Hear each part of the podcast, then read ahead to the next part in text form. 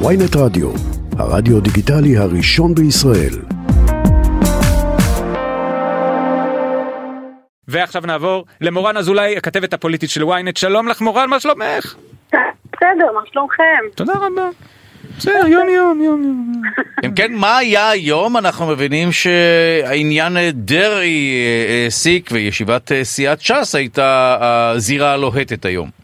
בוא נאמר, אין רגע דל. מי שחשב שתקום פה ממשלה והכל יתקתק ויזרום חלק, אז לא. מרגע שהיא הוקמה בעצם אירועים מתחדשים על בסיס יומיומי, והפעם באמת בסימן אריה דרעי. והכל על אותם גלים של, של פסק הדין ההוא ובעצם המאבק של הימין בבג"ץ בעד הרפורמה ו- וכולי, אז באמת ישיבת סיעת ש"ס, שהיא ישיבה סטנדרטית של ימי שני, הופכת היום לאיזשהו מפגן כוח שמארגן לעצמו אריה דרעי, הוא מעביר את ישיבת הסיעה מחדר הסיעה הרגיל, הקטן, לאולם, האולי הגדול ביותר בכנסת, אולם נגב, ולשם הוא מזמין כל מיני פעילים, פוליטיקאים, חברים מהקואליציה וגולת הכותרת, גם את ראש הממשלה נתניהו שמגיע אה, להתייצב אה, לימינו. אה, רואים שם גם את יושב ראש הכנסת שבדרך כלל לא לוקח חלק באירועים כאלה, אבל הפעם הוא הגיע, הוא אפילו אה, נאם. והיו שם כל שרי הליכוד, כמעט כל שרי הליכוד הבכירים. אה, למשהו שאמור היה לשדר אה, איזשהו אה, מסר אחיד, איזשהו, באיזושהי כותרת לפיה אנחנו לא מתקפלים גם נוכח ההתקפות, ובעיקר בעיקר לחדד את העוול שלשיטתם נגרם להם על ידי פסק הדין, או יותר נכון לבוחריהם, ככה הם אומרים. הוא אמר גם שהם ינסו לשנות את החוק ככה שהם יוכלו להחזיר אותו לממשלה, נכון? כן, זה בעצם אה, המשך ישיר של המשפט, אה, אותו משפט שאמר אריה דרעי ותופס את רוב הקשב ביום רביעי אה, עם, עם מתן אה, פסק הדין. הוא אמר, אה, זה לא ילך דרך הדלת, אה, אנחנו ניכנס דרך החלון, נפרוץ את התקרה, משפט שעורר הרבה מאוד ביקורת, כי שאלו אנשים מה זה אומר לפרוץ את התקרה, איך תפרוץ את התקרה, מה תעשו, איך, איך, איך תחזור. כן, אבל זה משפט ניו אייג'י כזה, תמיד אומרים, משתמשים במשפט הזה, לא? זה סתם כן, כן. מטאפורה מגניבה כזאת, לא? זורקים אותך בחלון, אתה בא זה, מהדלת, מהתקרה, לא? נכון, נכון, אבל בעיתוי הרגיש הזה זה קומם אה, עליו לא מעט. אחר כך גם בישיבת הממשלה הוא ניסה להסביר אה, ולהגיד שהוא לא מתכוון לדברים קיצוניים, אלא לבדוק באופן חוקי מה כן אפשר לעשות. אבל היום הוא באמת ממשיך את אותו קו. אה, ובעצם כולם משדרים שהמטרה היא להחזיר את אריה דרעי ולמצוא את הדרך לעשות את זה. באיזו דרך יש, אה, אחרי שבית המשפט אמר את דברו? אני אה, חותמת על כך שטובי המומחים החוקתיים יושבים כרגע ומנסים לתקף עצה. זה באמת דבר מאוד מאוד לא פשוט להחזיר אותו, אבל יותר לא פשוט זה לנהל את הממשלה הזו כשהוא השותף הבכיר.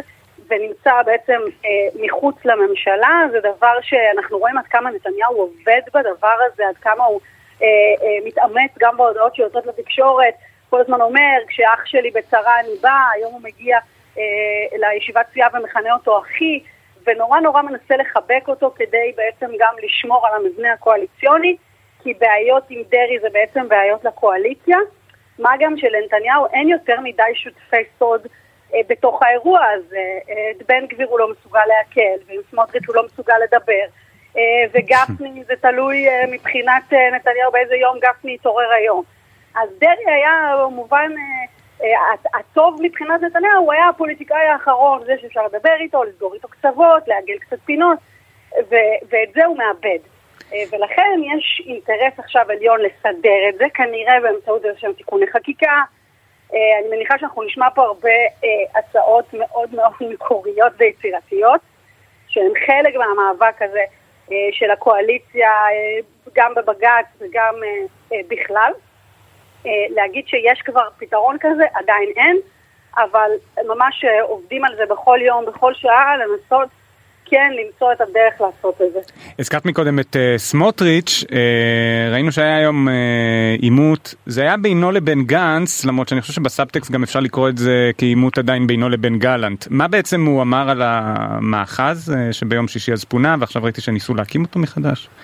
כן, בעצם מה שאנחנו רואים עכשיו זה איזשהו ניסיון לשרטט את טריטוריה, כל אחד במשרדו. העימות הוא באמת בין גלנט לסמוטריץ', שלשניהם לדעתי לא ברור עד הסוף מה הסמכויות שלהם. נוסח איזשהו הסכם קואליציוני, ששם נכתב שבעצם כל מה שקורה בשטחי יהודה ושומרון עובר לאחריות סמוטריץ', רק אה, שכחו לעדכן בזה את גלנט, או שעדכנו ולא חיכו אה, ככה לקבל איזה שהם אה, התאמות או הסכמות, ולכן אה, יצא מצב שגלנט אה, בעצם פינה מאחז ביום אה, שישי בסמכות של סמוטריץ' ולא לא ספר אותו, בוא, בוא נגיד את זה ככה בשפה פשוטה. אה, והיום אנחנו רואים באמת את ההתקוטטות הזאת, משום שגנץ כשר ביטחון לשעבר הוא מתריע ואומר סמוטריץ' הוא סוס טרויאני בלב ליבה של מערכת הביטחון, וסמוטריץ' משיב לו אה, יחסית בעדינות שהוא לא, אה, לא סוס טרויאני והוא יתקן מאיפה שגנץ הפסיק, אבל גם מוסיף מסר לגלנט ואומר לו, אה, אנחנו אה, חתמנו על הסכם קואליציוני, אנחנו נלך איתו עד הסוף, אצלנו מילה זו מילה, אה, ולכן גם בחזית הזאת צפוי להיות מאוד מאוד מעניין.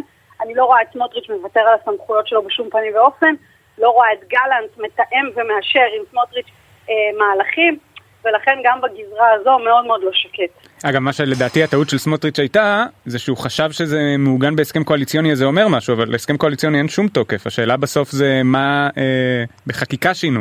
וכל עוד לא שינו את, החק... את הסמכויות בחקיקה, אז אה, לא יודע אם יש לזה משמעות. זה, זה נכון, גם אין לזה שום תוקף חוקי, אבל יש לזה איזשהו אה, אה, תוקף מבחינת אה, המחויבות של נכון. סמוטריץ' נכון. לקואליציה הזו, והוא מתייחס דווקא למה שאתה אומר, והוא אומר, הממשלה הזאת הוקמה, הוקמה על ההסכמות האלה, היא הוקמה על ההסכמים הקואליציוניים, לאורם היא פועלת, ואם לא יכבדו אותם, אנחנו אה, לא נאפשר את הדבר הזה. רוצה לומר, יהיה כאן משבר קואליציוני גדול, אם אתם לא תיתנו לי את הסמכויות כפי שהתחייבתם. ואפשר להגיד הרבה מאוד אה, על סמוטריץ', אבל אתה יודע, בתחילת הדרך של המשא ומתן, אמרו לי בסביבתו, נתניהו מדבר אלינו כאילו אנחנו פוליטיקאים. הוא לא מבין שאנחנו לא הליכודניקים, שאפשר אה, לתת את הכיסא ואז לעגל את כל היתר מסביב, זה לא האירוע. סמוטריץ' אם צריך הוא ילך עד הסוף, בטח בסוגיות שחשובות לו כמו אה, ההתיישבות, ויהיו גם מי שיאתגרו אותו בסוגיות האלה, אה, ולכן זה, זה באמת חזית שהיא מאוד מאוד לא פשוטה. ועוד עוד נקודה מעניינת היום, אני חושב אולי הנקודה המעניינת, זה הנושא של אה, לפיד שקורא להרצוג אה, להקים איזה, טוב לא יודע, האמת בדיעבד אני לא יודע אם היא המעניינת, אבל אה, לפיד קורא... ועדה נשיאותית, למה? לשם מה? לרפורמה להגיע להסכמות? בעצם הוא מצטרף, אה, זה התחיל מקריאה של גנץ, אה, תראו גם עד כמה האופוזיציה מפולגת ולא מצליחה אה, להגיע לאיזושהי נוסחה אחידה. זה התחיל עם בני גנץ שאומר בואו נגיע להידברות עם הליכוד וננסה להגיע להסכמות על הרפורמה הזו. וזה המשיך עם יאיר לפיד שאומר אוקיי נדבר עם הליכוד אבל בתיווך של הנשיא הרצוג אחריו מיד יוצאת מרב מיכאלי ואומרת בשום פנים ואופן אין על מה לדבר איתם, הם רוצים לחרב את הדמוקרטיה. אה, והרביעי שמצטרף זה אביגדור ליברמן שעולה ממש לפני עשר דקות אה, למליאת הכנסת וממש שוטף את החברים שלו לאופוזיציה ואומר להם צאו מהסרט, אין על מה לדבר עם מי שרוצה להפוך אותנו לדיקטטורה. אז קיבלתם את גנץ ולפיד, מנסים כל אחד בדרכו אולי להגיע להסכמות, את מיכאלי וליברמן אומרים בשום פנים ואופן לא יקום ולא יהיה, וחגיגה שלמה באופוזיציה. זהו, מה שליברמן אומר, לפי אני רואה את זה בכותרת בוויינט, איזו פשרה אתם רוצים? 50% דיקטטורה במקום 100%? עכשיו, אני מודה, 50% דיקטטורה זה, זה קצת דמוקרטיה. לא, כן, זה, זה... אני קיבלתי את זה. זהו. לא, דווקא זה רענון של שיטת המשטר. בסדר גמור. חצי חצי, זה אגב פשרה. למה לא? אם מציעים לי משהו 50% אני מקבל. זה כמו, בדיוק, זה כמו פשרה בתביעות קטנות. בסדר. לא נשמע רע. טוב, מורן אזולאי, הכתבת הפוליטית של ynet, המון המון תודה לך שעלית אצלנו. תודה לכם, שמחתי, ביי ביי.